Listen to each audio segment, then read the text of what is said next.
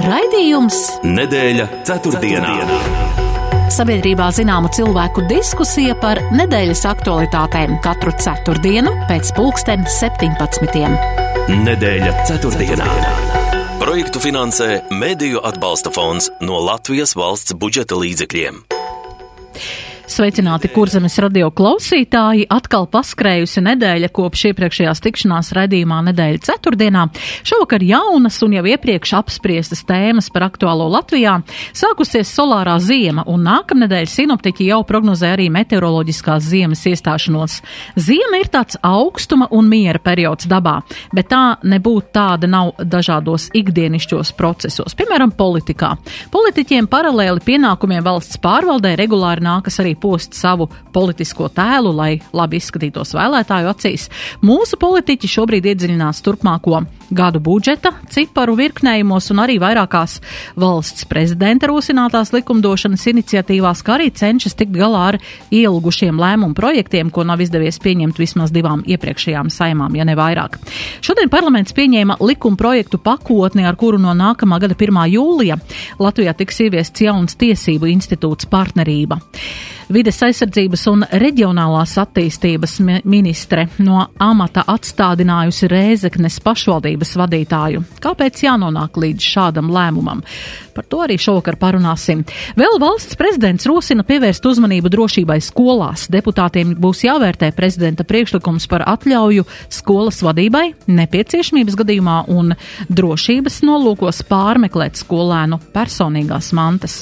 Novembris ir arī patriotu mēnesis. Vai esam patriotiski tikai novembrī vai arī pārējā gadā, to arī šovakar noskaidrosim. Šodien raidījumā ir lieliski viesi, ar viņiem pārunāsim kādus no minētajiem tematiem, un tie ir Viduskurzemes laikraksta kurzemnieks galvenā redaktore Daiga Bitiniece. Labvakar! Labvakar! Un TV24 ētera personība žurnālists Kārlis Streips. Labvakar!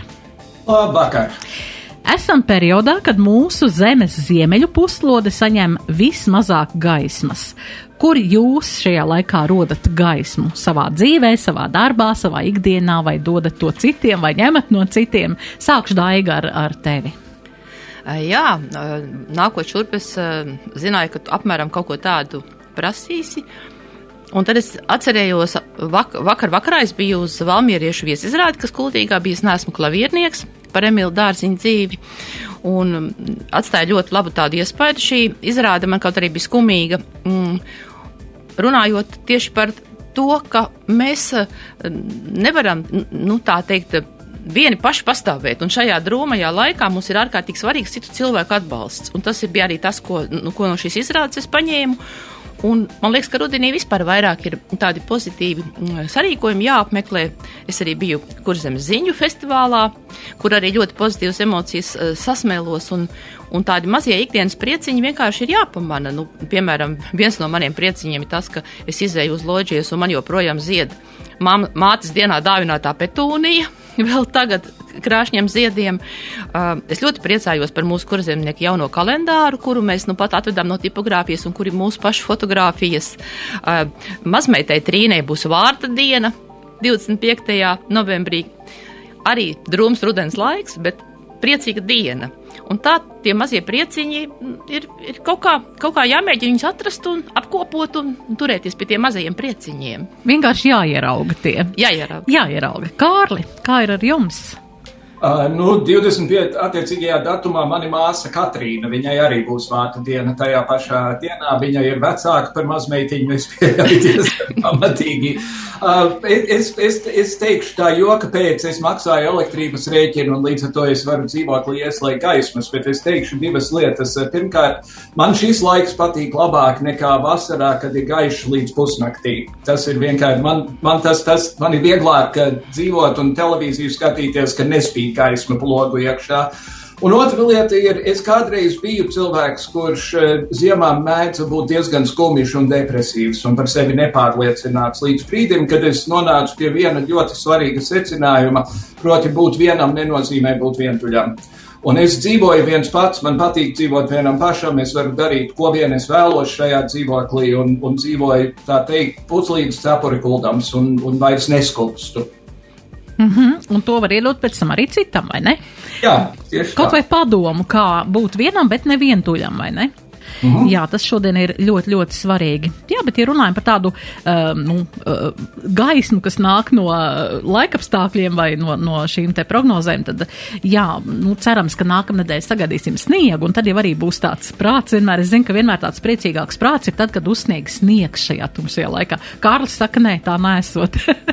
Rīgā, Rīgā tā nelaime ir, ka viņš sākumā smuki izskatās, bet ļoti ātri uz ielām un trotuāriem veidojas baisa šļura. Nu, mums tie atkal ir citādāk. Mēs jau tā kā vairāk uh, laukos un tuvāk meži mums Jā. te ir un ir ļoti skaisti, kad uzsniegs sniegs gan kultīgā, gan arī cen mežos, kur var iet nojot un staigāt. Jā, es jau kuru reizi Kārlim saku, Kārli ir jāatbrauc uz kuldīgu un jāpaskatās, kā cilvēki dzīvo ārpus Rīgas.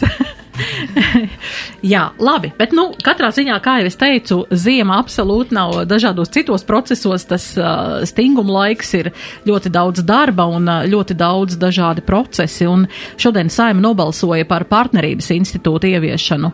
Un, um, ko, ko mēs sagaidām no šī, uh, ko mēs atveram, aizveram, ko mēs kā daiga uh, turēdzi šo pieņemto lēmumu, no nākamā gada 1. jūlija būs šis jaunais uh, institūts. Uh, nu, Pirmkārt, es to, to redzu tā, ka tas neskar ļoti daudz cilvēkus, bet tos cilvēkus, ko tas skar, es domāju, ka tiem cilvēkiem tas ir ļoti, ļoti nozīmīgs un ļoti svarīgs lēmums, ko saimi pieņēmusi.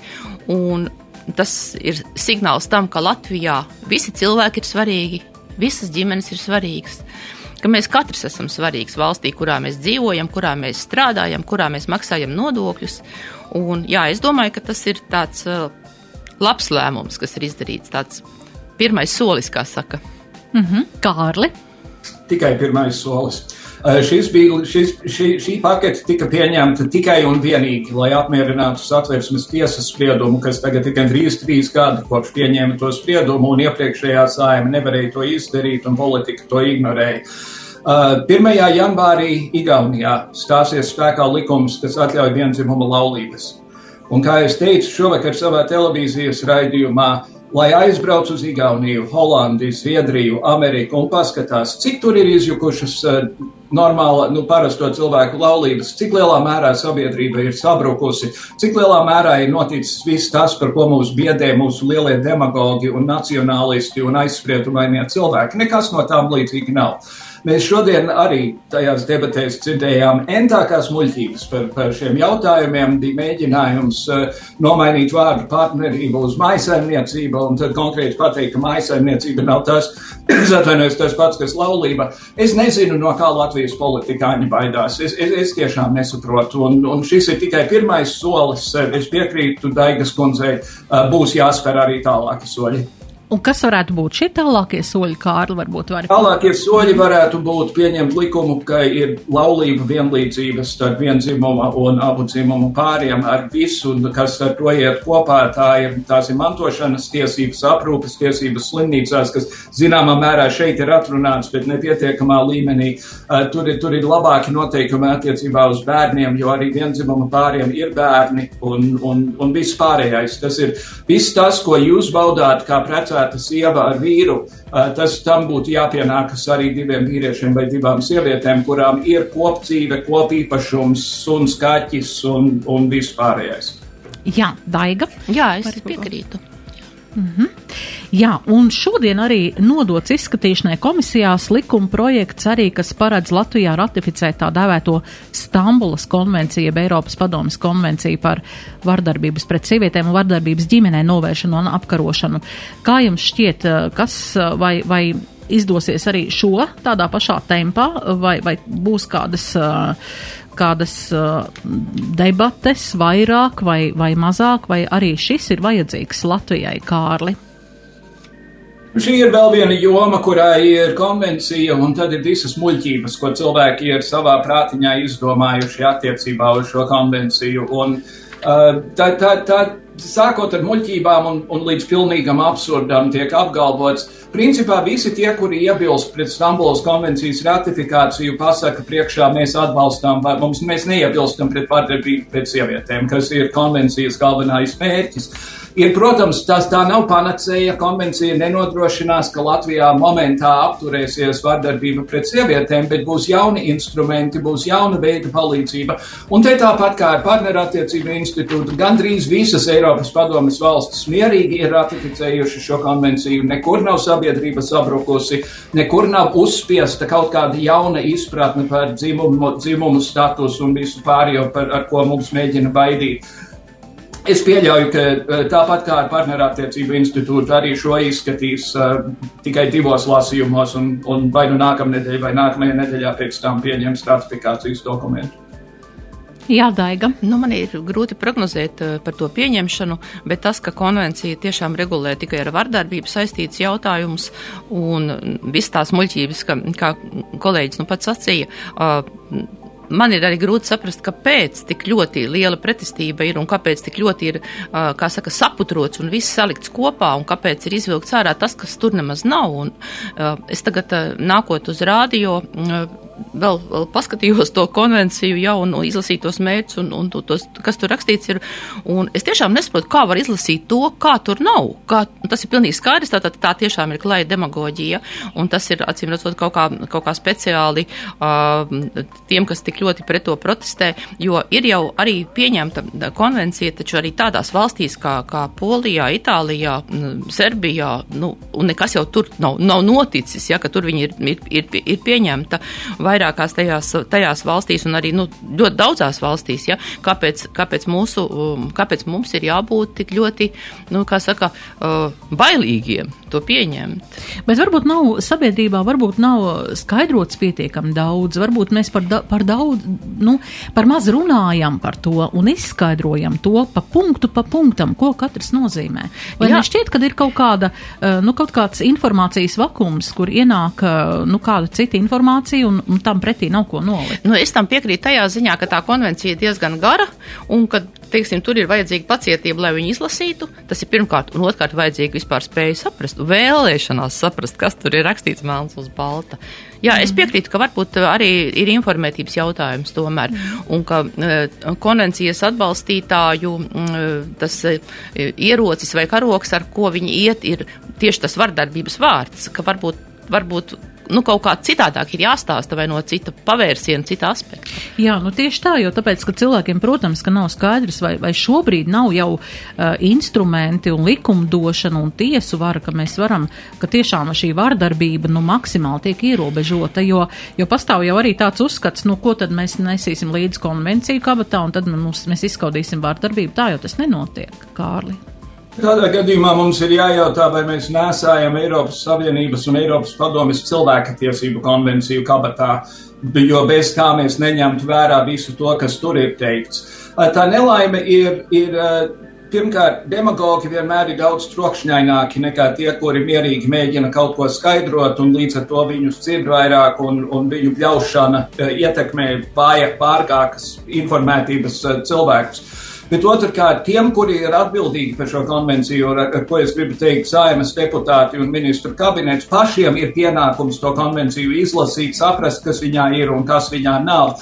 Un ja Šlesers grib tur atrast kaut ko, kas tur nav, Dievs ar Šleseru, viņš ir opozīcijā, bet vismaz tiem, kuri tagad runās par to komisijā, ir jāsaprot, kas tā konvencija ir un jāzina, kas tā konvencija ir. Jā, un tas, protams, arī jāskaidro sabiedrībai, lai būtu pilnīgi, nu, lai arī sabiedrība nomierinātu šajā, jo mēs zinām, ka nu, šie, šie viedokļi arī šķeļ sabiedrību, ja nav skaidra tāda informācija un, un nav skaidra atspoguļots tas, kas tas ir, cik tas ir labs, ko tas man ierobežos un ko tas man atļaus, ja tas nav zināms, protams, no visa jaunā sabiedrībā. Nu, nedroši jūtās kaut ko tādu, kaut ko jaunu. Nav, nav, es, es pieļauju, ka vidējais latvietis par to neinteresējas vispār. Viņam ir jābūt, jāatrod veids, kā savus bērnus pabarot. Uh, viņš ir kaut ko dzirdējis par Stambulas konvenciju un droši vien paraust plecus un saka, uz mani tas neatiecas, jo es savu sievu neticu, nesītu, lai iet.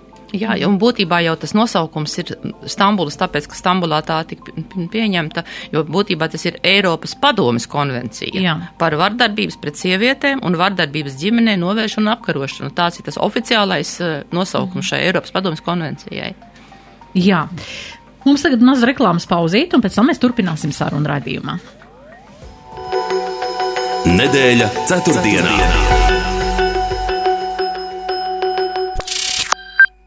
Oh, ziemas sezona vairs nav aiz kalniem. Vai esi sagatavojies apkuras sezonai? Top granulas no kokzāģētavas piedāvā Latvijā pašu ražotās kokskaidu granulas. Tagad pieejamas arī ar uzlaboto kvalitāti un iepakojumu Top granulas jaunā līnija. Pieprasi visās tirdzniecības vietās. Vairāk informācijas internetveikalā Top granulas EU. Un, protams, atceries, ka pieejamas arī kokskaidu briketes Top granulas EU. 11. novembrī jau desmito reizi Tukuma sporta hālē pauze ielā 7 notiks gadskārtējais startautisko cīņu šovs Milžu cīņas. Cīņas notiks cīņu būrī pēc MMA, boks un kickboks noteikumiem. Rīgā kāps pašmāju sportisti un atlēti no ārzemēm. Starp viņiem Norvēģis Aleksandrs Jakobsens, pašmāju populārais boksers Kristaps Zuts un citi. Biļetes var iegādāties kafē terasē Tukumā un bukla.com. PTA Dabja 3A īsti sadzīves tehnikas džungļi. Goreņie, goreņie, goreņie! Tā ir elegance, romantika un originalitāte jūsu virtuvē. Īpaši piedāvājumi, jauni modeļi, zinoši konsultanti. Novembrī lielajai tehnikai bezmaksas piegāde Rīgā. Tiekamies internetu veikalā www.pta.lv un Dabja 3A. PTA - zvērīgi laba izvēle! Nedēļa ceturtdienā. Nedēļa ceturtdienā Kārlis Streips un Daiga Bitiniece šovakar ir raidījuma viesi, un mēs runājam jā, par uh, pirms reklāmiņas par Stambulas konvenciju, un mēs zinām, ka arī ir sagatavot šī te mm, no mm, deputātiem sagatavota tāda uh, tāds uh, priekšraksts, jā, kas kā arī to mūsu satversmi, tur satversmē teikto, kā, lai neapgāstu šī konvencija, bet, nu, ir dzirdēts un arī no tādiem juristu skaidrojumiem dzirdēts, ka, nu, šāda, š, ja pieņem, ja ratificē šo Stambuls konvenciju, šo, nu, Eiropas padomas konvenciju par vardarbību pret sievietēm un vardarbību ģimene no, novēršanu, apkarošanu, tad patiesībā šādi priekšraksti vai šie te visi patiesībā tiek, uh, nu, viņiem nav nekāda juridiska spēka. Kārli, vai tā ir? Uh, Es, cik es saprotu, tajā ratifikācijā preambulā ir teikts, ka Latvija uzskata, ka tā konvencija nekādā veidā neietekmē Latvijas republikas satversmi. Un vienīgais veids, kas tur, kas tur par ko varētu būt jautājums, ir bēdīgi slavenais 110. pāns par ģimeni un, un tā tālāk un tā joprojām. Bet es saku vēlreiz, tur, tā, tur ir tās ir muļķības, ka tā konvencija mēģina kaut ko nabaga mazajiem latvietīšiem uzspiest. Mm. Jā, nu labi, gaidīsim, kas ar šo dokumentu notiek tālāk un skatīsimies, jā, galvenais, lai, lai sabiedrībai būtu viss izprotams, saprotams un ne tikai sabiedrībai, bet sākot jau ar saimnes deputātiem, cik labi būtu, ja mēs varētu tādā vienprātībā pieņemt lēmumus un ka nebūtu šīs te ļoti, ļoti tādas skaļās, nu, muļķības vai, vai, vai nu, tas ir viedoklis, tas ir deputātu viedoklis, vēlēto deputātu viedoklis, aiz kuriem stāv liela sabiedrības daļa. Ar to mums arī jārēķinās. Jā, ko lūdzu? Ne īpaši liela. Ne īpaši liela. Nu, jā, nu, mēs nezinām to, cik liela patiesībā. Jā, bet uh, runājot tālāk, man ļoti priecē mūsu valsts prezidenta aktivitātes, un atkal uh, aizvadītajā nedēļā ir vairākas uh, tādas um, iniciatīvas iesniegtas uh, tā kā saimā izskatīšanai, un um, man šķiet, ka vispār valsts prezidents ir ļoti aktīvs, darbojas, kā jums šķiet šajā iekšpolitikas, šajā visā darbā. Mēs ļoti daudz dzirdam mūsu valsts prezidenta viedokli norādes, ieteikumus, kā jums šķiet, kā jūs vispār, nu tā, tas ir ārpus tā, ko mēs šovakar grasījāmies runāt, bet kā vērtēt, jā, līdz šai dienai mūsu valsts prezidenta darba daiga? Es varbūt varu pašā sākumā pateikt to, kas man pārsteidza pozitīvi, un varbūt tas galīgi nav svarīgi, bet pirmo reizi reģionālo laikrakstu žurnālisti, redaktori, nu, kā, kā mēs sevi saucam, lauku žurnālisti, pirmo reizi mēs bijām uzaicināti uz prezidenta inaugurācijas pasākumu. Un tad arī uz tādu tikšanos pie valsts prezidenta, kas arī ļoti atšķīrās no iepriekšējām saucamajām preses konferencēm, kad prezidents norunā svarīgas lietas, ko viņš grib teikt, un, un žurnālisti to pieraksta. Bet, Rinkevičs gribēja dzirdēt mūsu domas par dzīvi laukos, par dzīvi reģionos, kā mums iet, kādas ir mūsu problēmas, kādas ir ma mūsu mazā biznesa problēmas. Un tas, es domāju, tas ir, tas ir ļoti cienījami no viņa puses, jo, jo manuprāt, prezidents apzinās, ka uh, bez tādiem neatkarīgiem mēdījiem, cik nu daudz vēl viņi ir palikuši ārpus, ārpus Rīgas, un, un es domāju, ka ārpus Rīgas tieši tie neatkarīgie mēdīji varbūt pat ir vairāk, jo vairums reģionālo laikrakstu, mm, tā skaitā arī manējais, uh, pieder pašiem cilvēkiem, kas mēs šeit strādājam, vai, vai, vai veco žurnālistu mantiniekiem, un līdz ar to mēs tiešām paši piedaram sev, paši strādājam un daram labāko, ko mēs protam. Tas, tas, tas, tas eh, ievads pirmais, jā. Eh, un, un otrs, man liekas, ir ļoti svarīgi, ka, un arī interesanti, ka prezidents ļoti komunicē ar sabiedrību uh, sociālajos mēdījos. Tas, tas, tas arī viņu atšķir no visiem citiem līdzekļiem. Jā, tas ir ļoti pamanām. Kārli. Nu, arī iepriekšējais prezidents bija ļoti aktīvs attiecībā uz likumdošanas lietām. Viņš kā nekā bija cilvēks, kurš palīdzēja sagatavot, manuprāt, nevajadzīgo saimas preambulu, un viņš savulaik palīdzēja rakstīt likumus un visu pārējo ļoti intelektuāls cilvēks. Es piekrītu kolēģei. Man patīk tas, ka Rinkeviča kungs Facebookā joprojām ir Edgars Rinkevičs, nevis valsts prezidents. Un tad, kad viņš kaut kur brauc, viņš Facebookā izvieto bildes, un, un es, es pieļauju arī citos portālos. Facebooks ir tas, ko es visvairāk lietoju. es neesmu ne TikTokā, ne, ne Telegramā, ne, ne, ne tur, es, tur es neesmu. Varbūt viņš darbojas arī tur. Bet uh, viņš, viņš ilgus gadus bija Latvijas ārlietu ministrs. Viņš pazīst visu pasauli. Viņš zina, kas ir labi, viņš zina, kas ir slikti. Un līdz ar to viņš nes milzīgi lielu zināšanas bagāžu uh, uz Rīgas pili. Un es, es esmu pilnīgi pārliecināts, ka viņš būs izcils prezidents. Jā, man atšķiet, uh, ka viņš ir prezidents, kurš arī nāk no, viņš ir audzis Latvijā un arī ir iedziļinājies, izgājis gan izglītības sistēmu, gan, gan visu šīs te, uh, visu šīs, šos procesus izdzīvo kopā ar mums. Jā, bet viena no viņa iniciatīvām ir šī skolas, skolu drošību. Viņš ir tā kā prioritāti pacēlis. Un, un šeit viņš ir ieteicis eh, šādu iekļaut arī likumdošanā, un tas ir konkrēti izglītības likumā šo grozījumu um, veikt par, um, par to, ka, lai būtu droša skolu vide, uh, ka varētu dot pilnvaras skolas uh, nu, iestādes vadītājiem. Uh, nepieciešamības gadījumā, jeb kā saka, aizdomu gadījumā, pārmeklēt skolēnu eh, personīgās mantas. Un šeit viņš arī mini tā, ka arī šobrīd izglītības likumā ir regulējums, kas nosaka vecāku pienākumu informēt izglītības iestādes vadītāju par bērnu veselības stāvokli vai kādiem apstākļiem, kas var ietekmēt šo izglītības programmas apguvu un arī um, ietekmēt arī šīs iesaistītās personas. Kā jūs vērtējat šādu, jo man liekas, ar šādu iniciatīvu, nu, man liekas, nekas tāds vispār līdz šim mums nav dzirdēts, ka kaut kas tāds skolā uh, ieviešams, ka būtu tai pašā laikā arī skolu uh, Latvijas izglītības vadītāju asociācijas prezidents Rudolfs Kalvāns saka, ka, nu, šeit varētu būt arī pretestība no sabiedrības. Kā jūs vērtējat šo, ņemot vērā mm, skolu vidi, um, šad tad ir dažādi nu, notikumi, kas pilnīgi neiepriecina, kas notiek skolās, uh, bet uh, šāda iniciatīva būtu atbalstāma un kā mēs, kā pieaugušie, uz to skatāmies. Kārli, kā, kā, kā jūs redzat? Nu, man bērnu nav, un līdz ar to es, es no tā viedokļa runāt nevaru. Kad es redzēju šo lietu, pirmais, par ko es domāju, ir tas, kas pat labi notiek skolās Amerikā, kur sākot no bērnu dārza, bērniem ir jāmācās viena konkrēta lieta, ko darīt, ja skolā un klasē uzrodas kāds ar šauteni un sāk bliest. Tas ir ārprāts, tas ir vienkārši ārprāts, un tas ir, diev, paldies Dievam, kaut kas, kas ir konkrēts Amerikā. Kas attiecas uz, uz situāciju Latvijā, es viegli varu iedomāties, ka bērni, it īpaši vecākajās klasēs, grib skolā ienest narkotikas. Viņi varbūt vēlas ienest kaut kādus ieročus tā vai cita iemeslu dēļ. Viņi varbūt vēlas ienest kaut ko uh, pikantu vai erotisku vai pornogrāfisku un, un dalīties ar to ar saviem, saviem uh, klases biedriem. Manuprāt, galvenā atbildība šeit tomēr ir un paliek vecākiem pārliecināties, ko viņu bērns, ko bērns stiepj uz skolu un ko viņš stiepj no skolas mājās.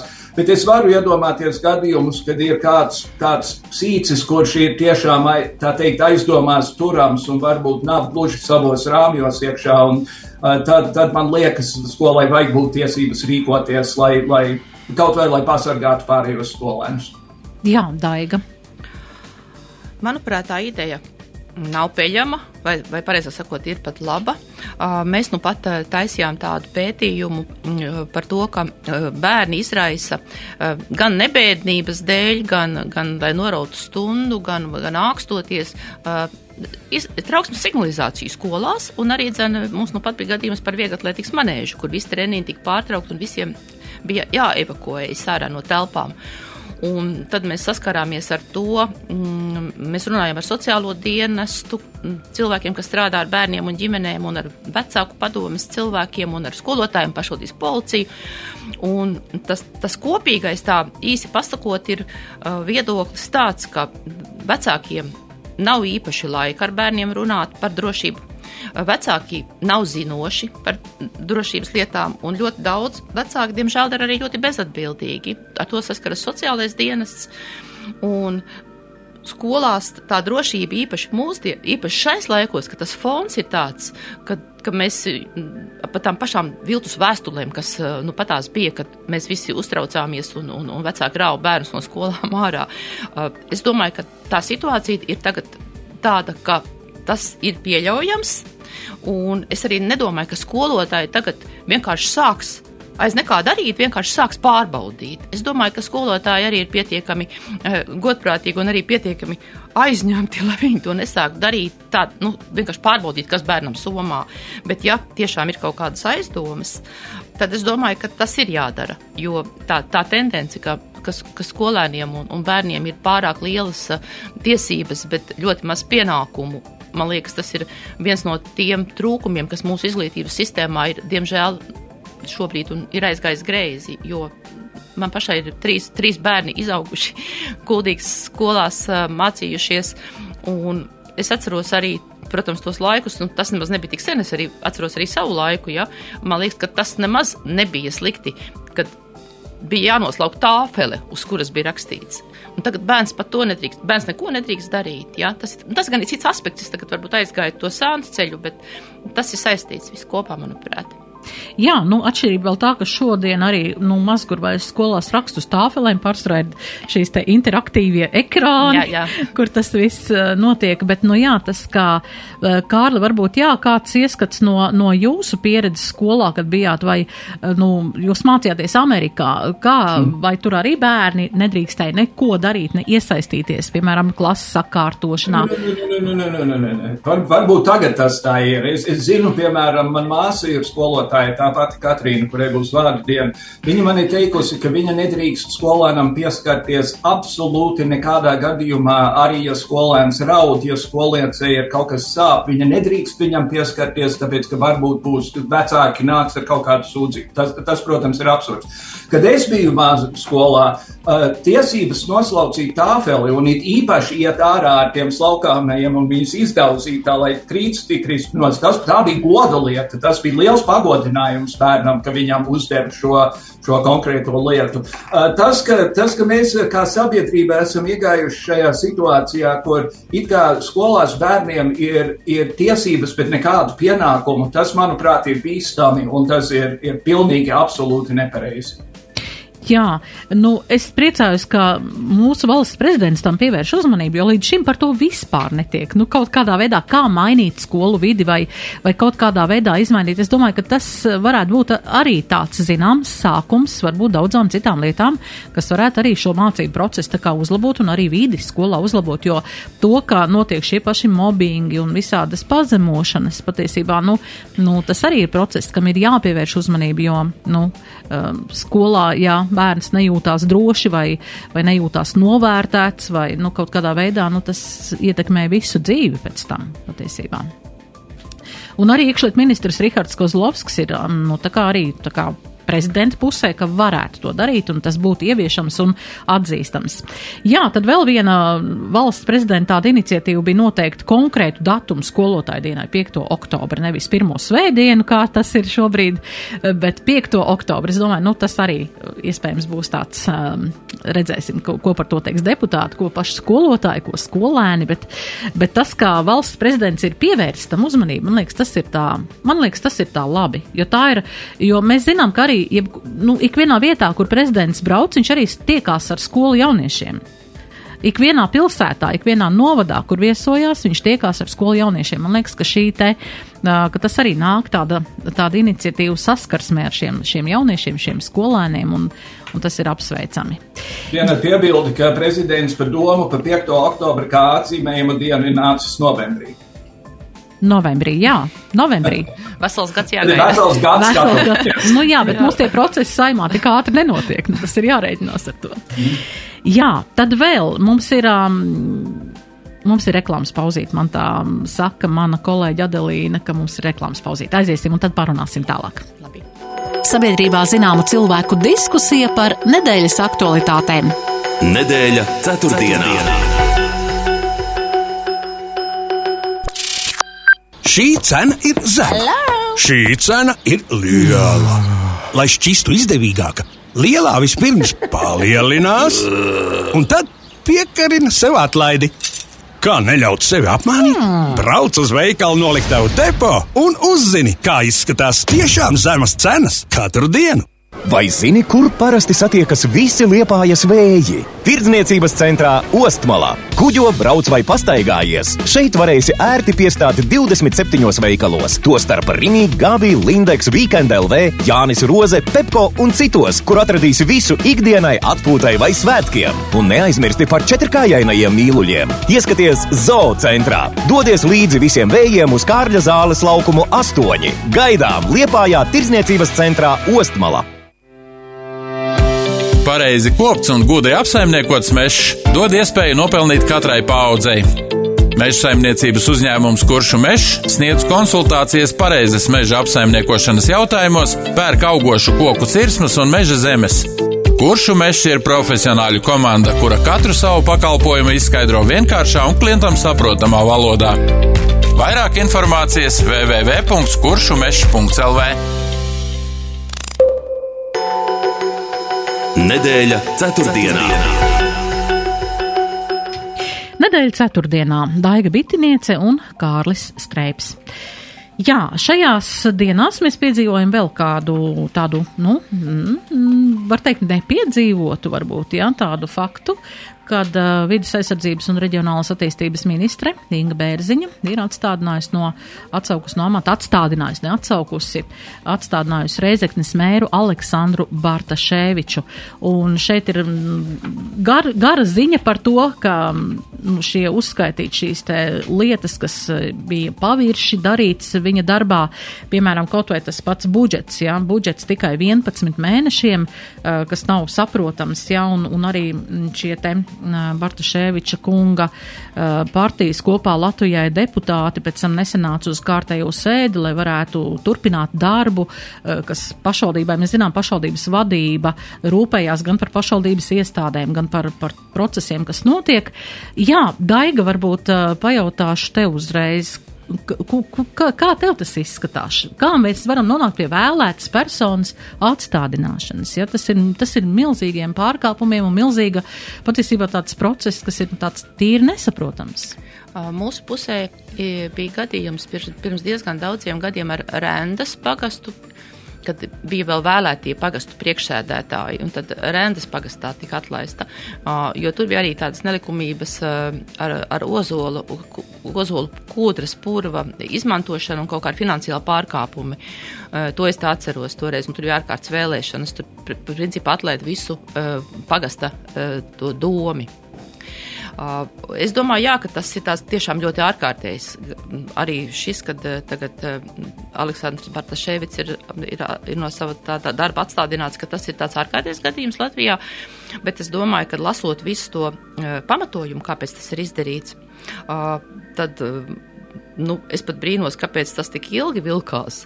Jo ļoti grūti saprast, kā var uh, pilsētas galva viens pats noslēgt līgumu par, par milzīgu atpūtas centra investīciju projektu, par milzīgām par summām, ka tur nav pašvaldības pilnvarojuma, nav citu deputātu atbalsta tam, un arī dzen tas, ka tagad, kad finanšu ministrija lika viņam atrast līdzekļus, lai varētu turpināt strādāt, grozīt budžetu, kad viens no tiem lēmumiem atlaist 60 pašvaldības darbiniekus, tā skaitā sociālos darbiniekus, kuru jau tā trūkst un kuru īpaši latgalē trūkst. Tātad tas pasliktinās to situāciju tiem cilvēkiem, ar kuriem šie sociālie darbinieki strādā. Nu, tādi neloģiski arī tie lēmumi, ne tikai tie finanšu pār, pār, pārkāpumi. Un, jā, es domāju, ka tas ir pamatoti, es domāju, ka nu, ministra Bērziņa tagad pielika tam punktu tā diezgan drosmīgi, bet principā jau to visu sāk iepriekšējais ministrs Sprinčuks, un es uh, painteresējos pie saviem latgales kolēģiem, viņi man sacīja, ka uh, to tā varēja just uh, tajā laikā jau, tad, kad Sprinčuks bija ministrs, kad uh, sarosījās opozīcijas deputāti. Tā opozīcija, protams, tur ir mazākumā, bet viņi tomēr sāka par to runāt, un viņi, viņi sāka to aktivizēt un to informāciju dot uz āru, cik viņiem tā bija pieejama. Un, Un, un, un es domāju, ka tas ir pareizi, jo ļoti maza ietekme e, Reizeknē ir mēdījiem vietējiem. Tur vispār latviešu valodā iznāk tikai tur ir nu, viens tikai Rēciknas vēstis, tā tradicionālais reģionālais laikraksts, kas tur ir ļoti sen, kas iznāk abās valodās. Un uh, izrādās, ka uh, Marta Ševica ir vispār attiecies sadarboties, atbildēt uz jautājumiem mēdījiem, un viņš ir tā atļāvis tā kā tāds ķēzars tur. Uh, vienkārši pats, ko viņš grib pateikt, viņš parādās Facebookā, viņš parādās TikTok savā kontā, un tur viņš stāsta, un tur viņš aģitē par sevi un stāsta par saviem it kā labajiem darbiem, bet tā, tā objektīvā žurnālistika tur ir nu, ļoti grūti vispār bijis dabūt informāciju. Jā, Kārli, jūs arī esat uh, universitātē bijis pasniedzējs un uh, žurnālists mācījis. Nu, ko šādā situācijā, kāda ir mēdīja loma šādā situācijā, kad, nu, nu, patiesībā sabiedrība jau reizeknē, sabiedrība vietējā kopiena jau zina un saprot, ka kaut kas nav kārtībā. Cik liela ir mēdīja loma šajā, šajā visā procesā? Nu, žurnālistikas uzdevums ir rakt. Tā, tā tas vienmēr ir bijis, un cik lielā mērā tas mūsdienās notiek, tas ir cits jautājums. Es, es gan gribētu teikt kaut ko citu, proti, kur ir liela nauda, tajā skaitā Eiropas nauda, tur atradīsies lipīgi pirksti. Un ir, nav, nav jau runa tikai par ēzekni. Valkā pat labi ir jautājums par uh, valkas ilgadīgo mēru un to, kas tur notiek. Mēs šeit Rīgā dzīvojam ar ārkārtas vēlēšanām ievēlē, ievēlētu domi, tāpēc, ka iepriekšējā tika atlaista kopā ar, ar Ušakovu par sistemātisku un ilgstošu likumu pārkāpšanu un ignorēšanu, kā toreizējais ministrs Pūcis to pateica. Um, Mēs, mēs, mums pašvaldības joprojām ir lielā mērā, ir īpaši lielākās pašvaldības, ir tādas mazas hercogistes, kur, kur cilvēki var aizrauties. Uh, Daugavpils ir piemērs par, par haotisku pašvaldību. Jūrmala, Dievs zina, ir piemērs par, par haotisku pašvaldību. Uh, kur ir liela nauda, tur, tur grib cilvēki grābt, un, un šī grābšana nevienmēr notiek atbilstoši visiem uh, priekšrakstiem. Rīgā bija Andris Amerikas, kurš, kuru sauc par Mr. 20, ko viņš teica, ka viņš strādā 20% smagāk nekā citi, bet, protams, ir runa par otkatiem un par, par būtībā par korupciju. Un tā ir lieta, no kuras vēl Latvija, diemžēl, nav tikusi vaļā. Jā, bet tas nozīmē, ka pārāk maz kontrolas ir. Man jau šķiet, ka tie visi fondu līdzekļi tiek tā uzraudzīti. Tur ir tāda stingra grāmatvedība, atskaišu sistēma un viss pārējais. Tas ir tiešām tāds, nu, nu nevarētu būt, ka tik ilgs laiks paiet un pēkšņi ir kaut kas uh, tikai pamanāms daiga. Nu, te jau tie pārkāpumi, vairāk tie pārkāpumi bija saistīti ar pašvaldības budžetu, kur, es mhm. domāju, tur, tur tie Eiropas līdzekļi tādā veidā varbūt uh, arī netika skatīti. Bet es vēl gribēju piebilst uh, nedaudz par to žurnālistu rakšanu, ko mm -hmm. kolēģis sacīja. Mm, ļoti grūti ir uh, reģionālajos laikrakstos žurnālistiem ņemot vērā uh, to resursu, to, to cilvēku skaitu, kas vispār strādā vietējā avīzē, arī dzen laiku, kad darbs cen darbu, kad vienu rakstu pabeidz un nākamais ir jāraksta. E, es domāju, ka arī zināšanas varbūt pietrūkst, un, e, protams, par ļoti zemu atalgojumu reģionālajie žurnālisti strādā. Un tai pētnieciskajai žurnālistikai, nu, ir tā ir ļoti vajadzīga. Es no visas sirds tam piekrītu, bet tas nav, tas nav tik vienkārši izdarāms.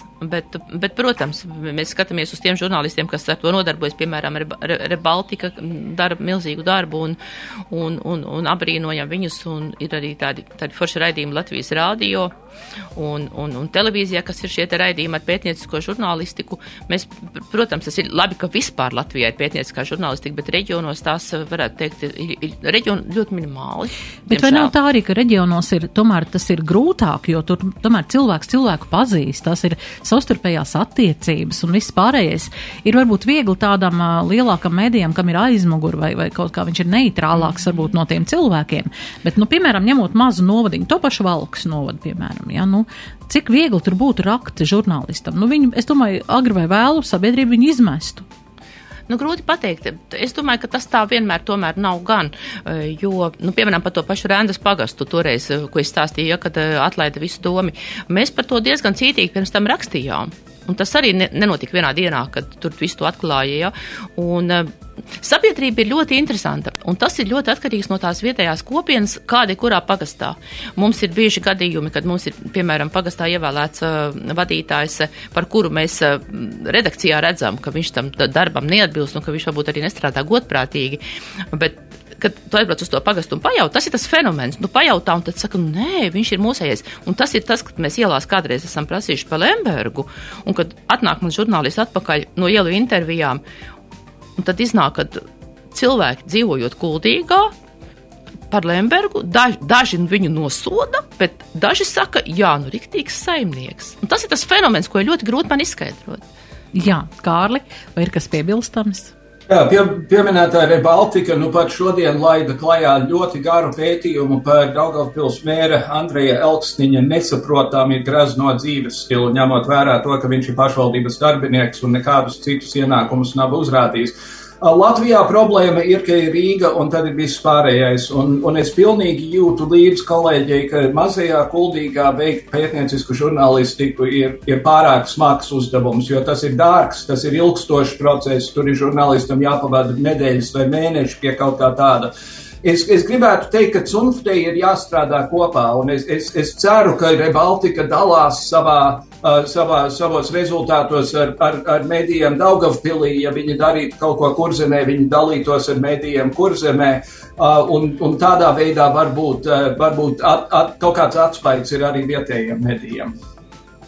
Jā, mums ir atlikuši trīs minūtes līdz redzījuma beigām par nožēlošanu tik ļoti maz, bet es gribu tomēr vienu tādu lielāku tēmu aizskart un tādu palaist ar to arī šo redzījumu nobeigt. Um, Patriotu mēnesis nu, tomēr, lai kā mums tajā Latvijā, lai kā mums varbūt ir sāpīga sirds par kādām lietām vai priecīga, bet tomēr, nu, es domāju, šī te Latvijas dzimšanas diena un, un šis patriotisms, vai tā ir, ka patriotu mēnesis ir tikai novembrī, kā jums dzīvē ir, vai nē, jūs esat patrioti arī ikdienā? Nē, galīgi tas tā nav, un man pat liekas, ka es vairāk patrioti esmu Latvijā Jo, piemēram, svinot Jāņus, man ir tā sajūta, cik ārkārtīgi skaisti un labi dzīvot Latvijā.